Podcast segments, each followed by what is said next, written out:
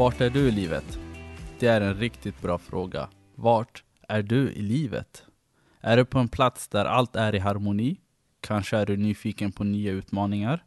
I veckans avsnitt gästas vi av mångsysslaren Sara som till vardags hjälper människor likt dig och mig världen över att hitta sin plats på jorden. Vi kommer att få lära oss hur man finner sin talang, vilka frågor man bör ställa sig själv och varför det är viktigt att behålla sin ungdomliga nyfikenhet hela vägen ut i vuxenlivet. Du lyssnar på Bättre Tillsammans sommarpodd med mig Shamarke Elmi.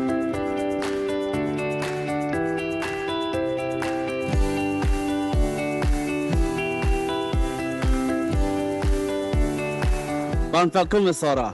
Nej, men tusen tack Jacke! Hur känns det på Gästa Sommarpodden?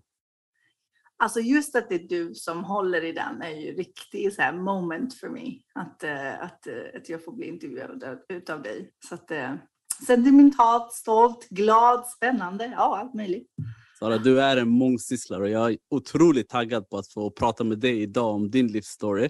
Men jag vill inledningsvis ge dig chansen att själv få presentera dig själv. Vem är du? Ja, vad trevligt. Ja, eh, jag är då först och främst eh, mamma idag eh, till eh, en liten pojke. Sen är jag också en eh, coach. Jag coachar individer på många olika sätt, men framförallt idag så gör jag det på företag där jag jobbar med performance. Upplevelser av, en, en, av näringslivet liksom, som personal och hur man kan liksom förbättra potentialet. Ja, vi kommer ju prata om det, din resa från Kungsängen hela vägen till USA där du befinner dig just nu. Men precis som du säger vägleder du idag många personer på företag världen över att hitta sin passion eller som du själv säger, I in life.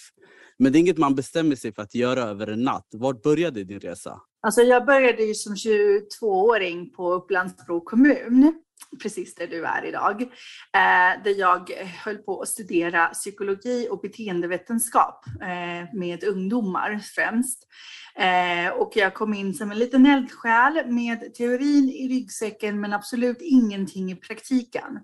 Jag träffade en, eh, en kvinna som var, eh, hade startat ett projekt i Upplands-Bro kommun eh, då man skulle öppna ungdoms Eh, hus eh, där ungdomar skulle vara delaktiga i att driva, för, eller driva verksamheten.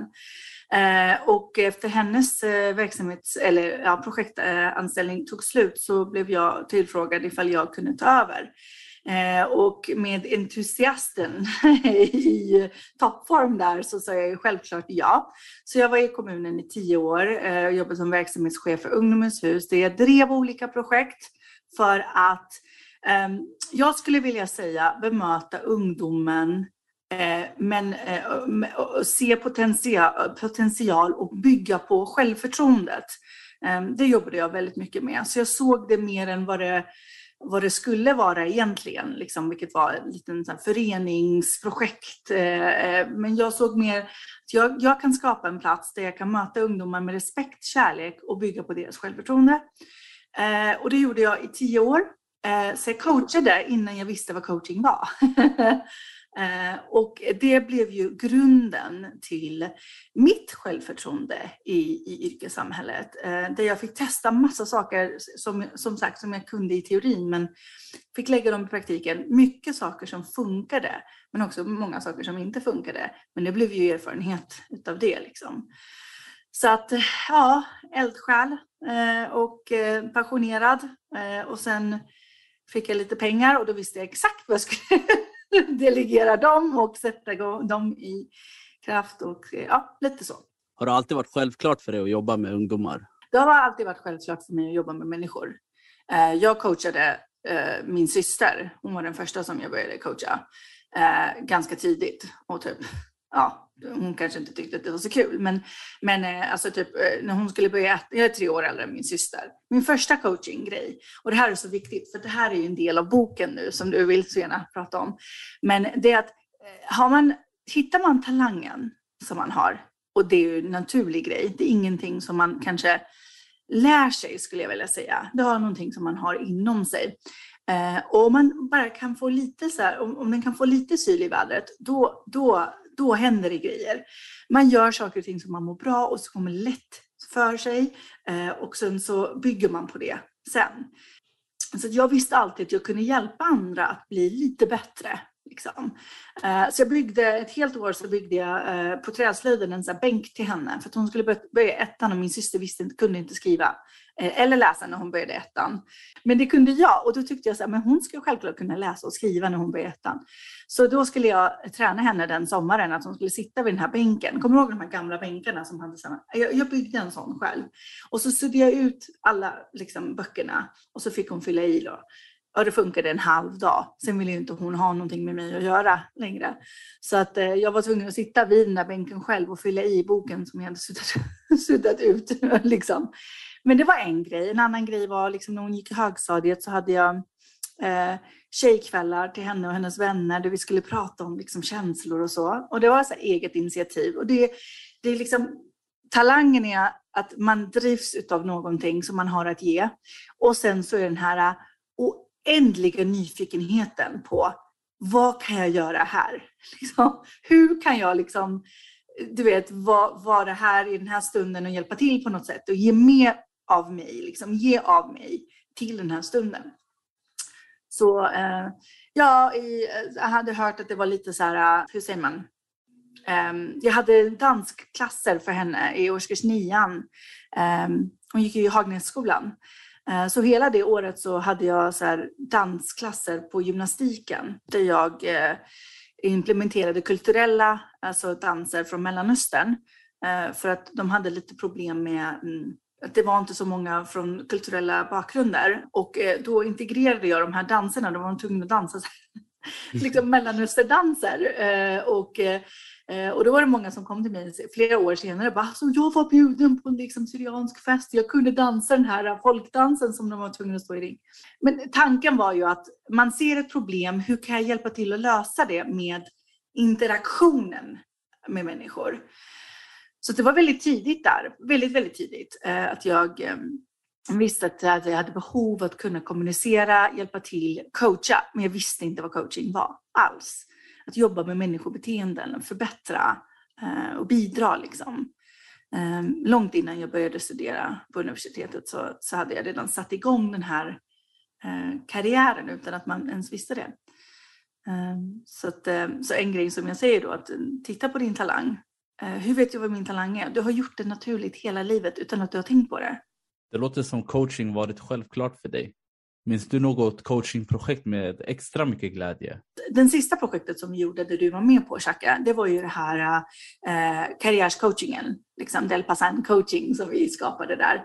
Där eh, vi fick vara på professionella platser, såsom kommunen. Vi slutade ju hänga på Ungdomens hus nästan. Vi träffades ju bara på kommunen efter eh, kvälls, på kvällstiden där vi körde coaching. Där man med olika Eh, verktyg då, eh, coachingverktyg, ställde frågan vem är jag? Vad har jag att erbjuda och vart ska jag? Eller hur? För det var ju jättesvåra frågor att svara på. Vad vill jag göra? Jag vet inte. Förutom att bli fotbollsproffs så var det väldigt få som ville, jag visste vad de ville göra. Så att med den nyfikenheten att liksom få reda på vad, vad gör jag, vad ska jag göra? Eh, det var ju sista, sista projektet som jag hade då med Ungdomens hus. Eh, och det var ju många som det hjälpte med. Det, och sen har vi några andra eldsjälar eller liksom, som det verkligen, den coachingen hjälpte. Mm. Och för våra lyssnare som inte var med, vad, vad gjorde man konkret i de här coachingpassen? Vad, vad försökte vi göra? Då hade jag, jag hade ju utvecklat så verktyg. Eh, det här året som jag hade pluggat coaching, då hade jag utvecklat de här verktygen som jag använde. Där jag ställde frågor till er och det ni fick sitta, kommer ihåg, med de här äh, ni, hade, ni, fick, ni behövde inte leta efter ord för att sätta på äh, liksom, vad vill jag göra, utan ni hade en massa olika saker att välja mellan. Så vad är jag duktig på? Läsa, skriva, organisera. Så jag hade de här äh, orden, så nu checkar ni det bara av. Så det, det var en hel coaching-teori. Liksom. Uh, vilket, by the way, allting är i boken The Eye and Life. Liksom. Uh, så att den här coachingen uh, såg till att man gick från att jag vet inte vad jag vill och jag vet inte vad jag har att erbjuda till jag tror att jag vet vad jag vill vad jag vill um, utforska. Och jag vet vad jag har att ge. Jag vet vad min talang är. Och det är så viktigt. För att när man frågar någon så här, vad vill du göra? Alltså en sån bred fråga. Det är jättesvårt att svara på den. Och det du vill göra när du är 15, 20, 25, ja, men det, det ser ju annorlunda ut. Så jag frågar aldrig, jag ställer aldrig den frågan. Den är ganska orelevant i den första, som första fråga. Det som är relevant är så här, vad har jag att ge? Vad är jag duktig på? Jag menar, dribbla boll, jag fattar. Men vad är det i den talangen som gör så att du, förstår du, du drivs? Är det att du, du är jättebra på att leda eh, teamet liksom? Eh, är du bra på att lyssna liksom, när coachen säger saker? Vad är det? Är du bra på att organisera? Vad är du, vad är du duktig på? Min var ju ganska konkret. Jag var, jag var jätteduktig på att se individen, lyssna, kroppsspråk. Jag är jättebra på att läsa kroppsspråk. Du behöver inte säga ett ord, jag vet exakt hur du känner nästan. Eh, och kommunicera, att kunna kommunicera mina känslor och tankar. Det är en talang. Och sen fick man ju bygga på det då. Så att eh, det vi började med då, eh, den här coachingen, det, det sista coachingprojektet eh, som jag hade på Ungdomens hus, eh, eller på kommunen kan man säga. Det var det sista som jag gjorde. Så när jag kom till USA, då hade jag en sån eh, separationsångest från den personen som jag var professionellt. Att jag hade jättesvårt att gå vidare här. Men vem var jag här? För det som är intressant är ju att den du är där, om du byter miljö så är det väldigt svårt att vara exakt samma. Så du måste nu ändra på din, liksom, ehm, hur säger man, ditt agerande för att kunna få det resultatet som du hade liksom, fått någon annanstans. Så att, men eftersom jag visste vem jag var och vad jag var bra på, då visste jag att det var det jag skulle bygga vidare på. Men här fanns det ingen alltså, plats för mig. På, för jag började jobba på Covenant House, alltså typen som en ungdomens hus, eh, och ett ställe som heter Skid Row som är ett ganska utsatt område, väldigt utsatt område, eh, med massa hem, utlö, hemlösa och så. Men det var inte riktigt där jag ville vara längre. För nu var ju jag 30 och livet såg lite annorlunda ut för mig och jag ville jobba lite annorlunda. Eh, sen du vet den här naiviteten började gå bort eh, lite grann. Eh, man började bli lite klokare och sen då började man bli lite mindre modig. så jag var inte så himla tuff längre när jag gick in på den här Covenant House och det var stora liksom, ungdomar. Eh, vilket by the way, när jag var här och pluggade coaching så gjorde ju jag forskning på gängmedlemmar och så Crips and Bloods heter det, två gäng eh, som är jättestora här. Eh, och hade for, eh, gjort en, varför man går in i ett gäng, men, men more importantly, varför man tar sig ut ur gäng. Vad är det för beteende där som gör så att man kan ta sig ur, ur alltså sånt där gäng som är liksom livsfarligt att gå ut ur. Så då hade jag ju lärt mig att hur ändrar man beteenden? Men vet du Shaka, då fick ju jag göra det på mig själv. När jag sitter här i Los Angeles, the land of like the where dreams can be made. Och jag var tvungen att sitta där och bara, nu har du, du trott att du ska vara den du är i Sverige. Men du, det passar inte in här. Vem är du i Los Angeles? Och det var jättestort för mig. Jag blev liksom halvt deprimerad, tyckte det var jättejobbigt. Och du ska veta att Cosmopolitan City som Los Angeles, San Francisco, New York, alltså folk är här för att compete. Alltså är du inte med så, är, så du trampas över. I den här staden så är det liksom make it or break it. Och jag hade ju inte den här tävlingsandan alls. Jag hade ju aldrig jobbat för pengar eller för liksom, jag hade ju bara, ja men det här är jag jätteduktig på. Så hade jag bara hamnat liksom på kommunen och hade bara liksom, ja, jag bara starta projekt efter projekt efter projekt. Den här naiviteten som jag säger. Jag hade aldrig tänkt på mig själv, utan jag hade bara tänkt det här är ju jättekul, här har jag någonting att bidra med, men jag hade inte varit så strategisk i mitt liv. Hur ska det här gynna mig? Hade jag inte tänkt alls, utan att jag lär mig, jag lär känna människor och jag utvecklas där som person. Men jag hade aldrig tänkt så här, is this making me money? Hur ska jag betala räkningar? Alltså fast jag hade betalat räkningar. Nu låter jag ju helt mm. men, men jag menar inte på det här sättet som är i, liksom, som sagt, eller i New York, det här drivet liksom. Och amerikanerna har ju en drivkraft att, alltså som ingen annan. Så att det är ju väldigt snabbt när du kommer hit. Det är verkligen så här, oj, nu, nu springer alla och jag, jag kan inte promenera längre, utan nu är det liksom sätt igång. Mm. Du sa att du coachade dig själv. Hur, hur gick det till? Ja, det var ju lite så här, äh, som sagt, halt, äh, halt, när, man, när man får stanna upp ibland så där, och ta, like, have a seat, som amerikanerna säger. Man får sätta sig ner och bara ha, se på då som, som sagt när alla springer förbi och bara få lite så perspektiv på sig själv och bara ställa den här frågan. Men vem är jag nu? Vad gör jag nu? Hur tar jag mig härifrån? Och det är väldigt kritiskt att man ställer det, sig den frågan. Det var regel nummer ett där. Hej, var femte år tror jag att man ska sätta sig ner och tänka, hörru, vänta nu, hur går det egentligen? Vem är du nu? Den du är när du är 30 är du inte när du är 35 och det är du definitivt inte när du är 40. Men, förstår du vad jag menar? Alltså liksom att man, är, man, man, man växer som person och jag hade inte stannat upp på de här tio åren på Ungdomens hus och kommunen, utan jag hade bara go, go, go. Så att när jag, fick, när jag var tvungen att stanna upp, då, då blev det verkligen så här jättejobbigt. Men vem är jag här? Eh, och sen så fick jag lite extremt att jag var i ett nytt land med nya människor och hade liksom absolut inget nätverk. Det är också en annan grej. På tio år hade jag byggt upp ett nätverk att liksom verkligen bestå i. Alltså, du vet, jag var... Mm, eh, alltså jag hade byggt mitt nätverk, kan jag säga. Den var väldigt stark. Och sen började jag om från noll. Eh, men då ställer jag den frågan. Vem är du? Vad har du att ge? Det var ju ganska enkelt att svara på. Eh, men vad, vad, vad har du att ge? Och sen, eh, vem har du omkring dig? Eh, vart kan du, vad är du nyfiken på?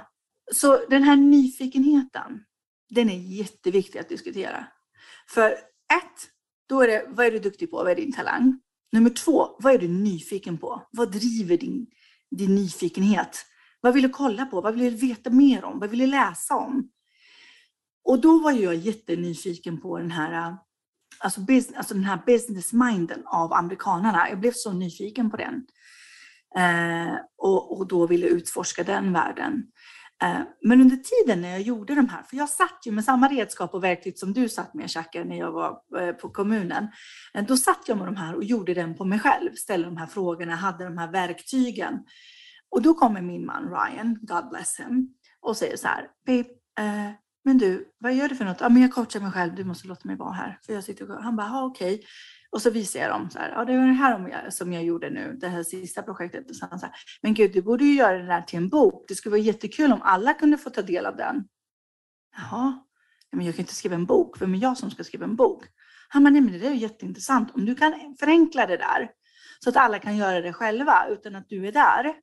Alltså att om de inte har en coach, men alla vill ju veta vad de vill göra Alltså det är inte alla som vet vad de vill göra. Och då är det här till en jättestor hjälp. Och så bara, okej, okay. ja, jag kan väl kanske försöka få till det liksom. Eh, och då satt jag där i typ sex sju månader och försökte få den här coachingen till att bli den enklaste coachingen som vem som helst, vare sig du 13 eller om du är 70, kan sätta dig och gör den här, ställa de här viktiga frågorna till dig själv och sen svara på dem eh, med hjälp av de här frågorna och liksom orden som man kommer, eller verktygen. Um, och sen ja, tänkte inte mer på det och sen så kontaktade jag publishing companies och sen så blev det liksom, ja, rätt som det blev så var det så här published book. Och så var man författare helt plötsligt, hade inte alls planerat på det. Så att, um, ja, så det var så det började med att jag började skriva den boken var ju egentligen för att hjälpa mig själv. För jag satt ju där med mig själv i ovetandet och det hade inte jag varit förut. Vad har du fått för respons på boken? Eh, jo, eh, 2016 så släppte ju, då eh, var det book launch i New York och då, då såg ju världen lite annorlunda ut. Man arbetade eh, annorlunda, eh, man sökte jobb på ett annorlunda sätt. Det här är lite pre-LinkedIn, det var LinkedIn fanns, men det var inte liksom så att man alla var där och så. Man blev inte headhuntad och så. Eh, men, men responsen var ju exakt så som intentionen hade varit, vilket är så intressant. Eh, att eh, när du gör någonting och intentionen är det, du får det din, din, din intention har varit. Så jag, jag vill ju verkligen skriva en bok där liksom det var enkelt att få till, eh, att folk verkligen kunde gå igenom den, att den var liksom mindre än hundra sidor. Och, alltså det skulle vara så lätt som en plätt. Eh, eh, och då hade jag liksom och, och så som sagt att jag ville att 10-åringar eller 13-åringar och 60-åringar skulle kunna göra det. Och det var exakt så som det var. Det var ungdomar, det var folk som redan var i karriären, det var folk som hade flera, eh, eller kvinnor som inte hade jobbat på typ 20 år här i USA specifikt som hade varit så housewives. Som bara, men jag har varit mamma ett helt liv och nu vet inte jag vad jag skulle göra och det var så enkelt att gå igenom din bok och det var inte eh, liksom, eh, hur säger man, intimidating. Det var inte för mycket att gå igenom heller, utan man, alla klarar av att göra det. Eh, och då blev ju jag supernöjd när folk sa det, att det var, det var enkelt. Eh, vilket är så här, många som skriver böcker vill ju ha liksom antal sidor och det ska vara sofistikerat och det ska vara liksom så. Eh, men ju, för mig var det exakt tvärtom. Det ska vara så här superenkelt eh, och absolut inte så här bara så stora ord för att man ska kunna säga att jag kan de här orden, utan att verkligen så här, hur pratar folk och hur kan man nå ut till liksom, folk. Um, så det var den som var responsen. Det var jättekul att jobba med den 2016, 2017, 2018. Eh, fram till 2019. Sen så kände jag så här, nu ser det lite annorlunda ut för världen och den är inte lika relevant. Så då skulle jag jättegärna vilja utveckla den, eh, vilket det är fortfarande på min bucket list, att jag vill utveckla boken för att den ska se ut som den gör idag. Eh, post pandemic, att vi arbetar annorlunda nu och eh, fast, fast nu mer än någonsin så är ju the eye life superrelevant. För att när jag ställde frågan vad, vad har jag att ge och vad vill jag göra? Vad ger mig liksom eh, fulfillment? Alltså hur känner jag mig meningsfull? Eh, när jag ställde den frågan så var det väldigt sällan folk ställde den frågan och pratade om det. Men idag så gör man ju det mycket mer. Eh, just med sociala medier och the woke era, liksom, quote unquote.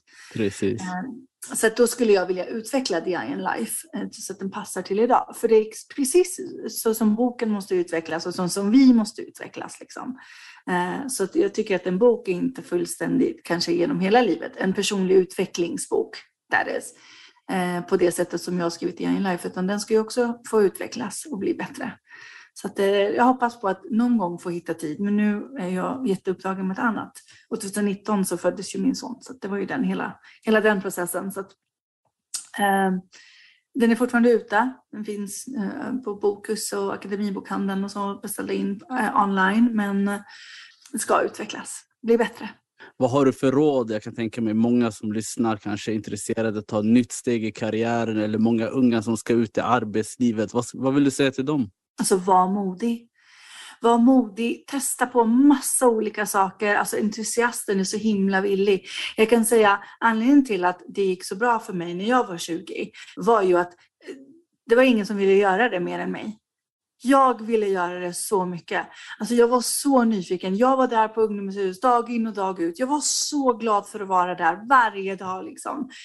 Du har aldrig kommit till Ungdomens hus och känt att Sara vill inte vara där idag det har, det har aldrig hänt. Det säger jag med ganska stor liksom, like, uh, hur säger man, självsäkerhet.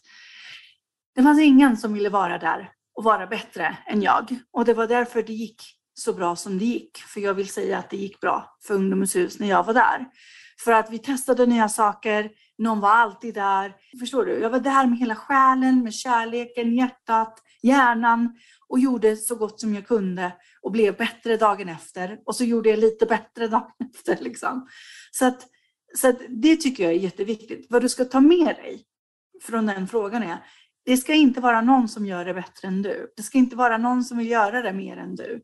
Och är det så, och du är lite modig och nyfiken, då kommer det gå jättebra.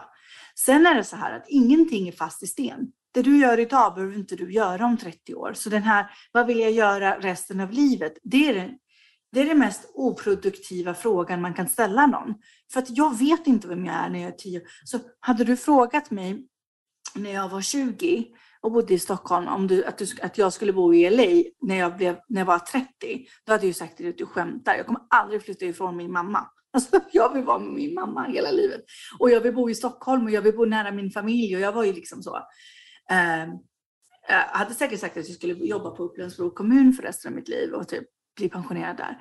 Ehm, och det är därför den frågan är så orelevant. Det är absolut ingen fråga man vill ställa någon. Vad vill du göra för resten av ditt liv? Utan jag vill fråga så här, vad vill du göra i år? Vad trivs du med? Liksom? Men, men vad har du att ge? Som sagt, så ska jag tillbaka, klargöra. När du har svarat på frågan vad har du att ge och hur nyfiken är du på liksom, det du vill ge det. Då kan du fråga sig, men vad vill du? Vilket företag skulle, vilket, liksom, vart ska vi placera dig?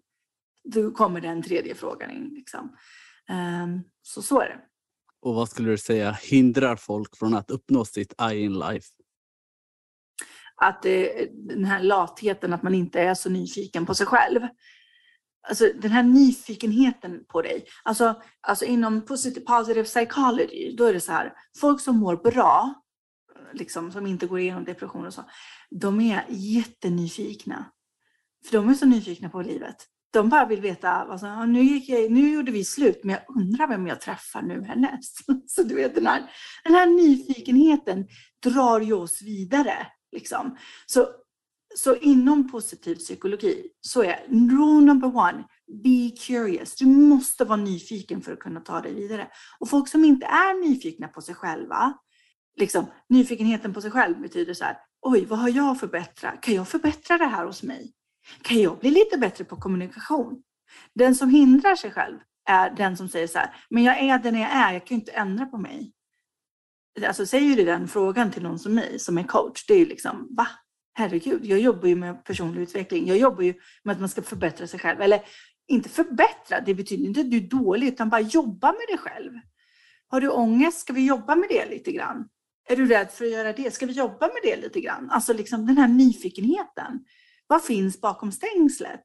Liksom, hela tiden. Eh, så det är väl rule number one eh, som folk hindrar sig själva. Och att, och att de tror att det är mycket större än vad det är. Alltså liksom, gud, jag kan ju inte gå in hit och jag kan inte driva en kommunal verksamhetschef som 22-åring. Liksom, jo, det kan du visst det. Hur gör man det? Jag vet inte. Det får väl bli det det blir. Jag, jag är där. Jag, jag, jag, jag kommer att vara där och jag kommer att öppna dörren. Så kommer jag se hur det går. Liksom.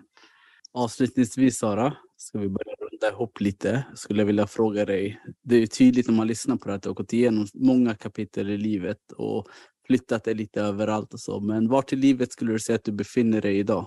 Ja, det här är bara början tänkte jag säga. Alltså nu så är jag någonstans som är jättespännande. Eh, för som, som mamma har jag fått någonting som jag kanske inte hade eh, förut.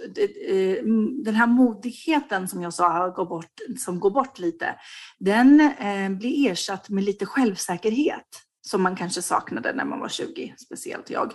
Eh, att jag var modig men kanske inte så självsäker, att jag ifrågasatte allt jag gjorde. Men nu idag eh, så, så ifrågasätter jag på ett hälsosamt sätt. Men du Sara, var det där liksom nödvändigt kanske? Så. Men däremot så ifrågasätter jag inte min integritet, mina värderingar, eh, den jag är som mamma, som kvinna, eh, som individ. Så jag har blivit mycket mer självsäker. Eh, jag kan säga att jag är duktig själv till mig själv, behöver inte höra det från någon annan. Jag har kommit en lång väg och, och, och lärt känna mig själv på det sättet att jag vet att jag kan. Jag vet att jag är den som försöker mest och är där helhjärtat. Ehm, vi diskuterade det förra gången, jag och du Jacke. Ehm, det mesta som jag är stolt över i livet är att om du har träffat mig i mellanstadiet eller i högstadiet eller i mitt yrke på Ungdomens hus. Träffar du mig idag så kommer du och vi har, får någon minut att prata så kommer du gå därifrån och säga men gud Sara är ju exakt samma person som hon har varit. Och det tar jag väldigt mycket stolthet i att jag inte har ändrat min karaktär men byggt på min självkänsla och självförtroende och erfarenhet. Eh, och då tycker jag olika saker. Karaktären är fortfarande där, glada, eh, du vet, entusiastiska Sara, den kommer alltid vara där. Eh, men däremot så är man ju lite mer, man har lite mer självinsikt och självkänsla i det man gör idag. Ehm, eh, så, att, eh, så det är där jag är. Så det är spännande att se vad den självkänslan, hur långt man kan komma med den liksom, också i bagaget liksom, eller i ryggsäcken. Wow, vilken fantastisk historia. Har du möjligtvis några avslutande ord till lyssnarna? Eh, avslutningsvis så vill jag att, att ni tar ifrån det här med att vara nyfiken på dig själv. Lär känna dig själv på riktigt. Sätt inte eh, höga krav på dig, utan nyfikenheten, den ska få liksom ta dig vidare. Vad kan jag göra här? Hur kan jag liksom utvecklas där?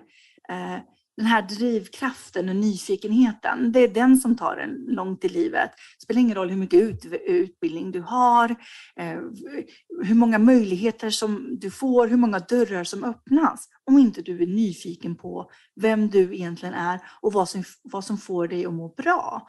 Och, hur, och vad du har att e-, erbjuda då. Eh, och, liksom, och gå ut efter det. Bli lite nyfiken, ställ dig frågan, vem är jag och vad har jag att ge? Och vart vill jag ge det? Så, så blir det alltid bra. Och det spelar ingen roll vart du är i världen då. Då kan du vara i USA, Europa, Mellanöstern och vara dig själv och bygga på den karaktären. Tack så mycket för din tid Sara. Ja, tack Jackie. Jag är så stolt över dig. Jag är så glad att du gör det här. Och det ska bli så spännande att höra alla andra historier eh, på dem du har eh, intervjuat och att det går så bra för dig. Det, är väldigt, det står mig nära hjärtat.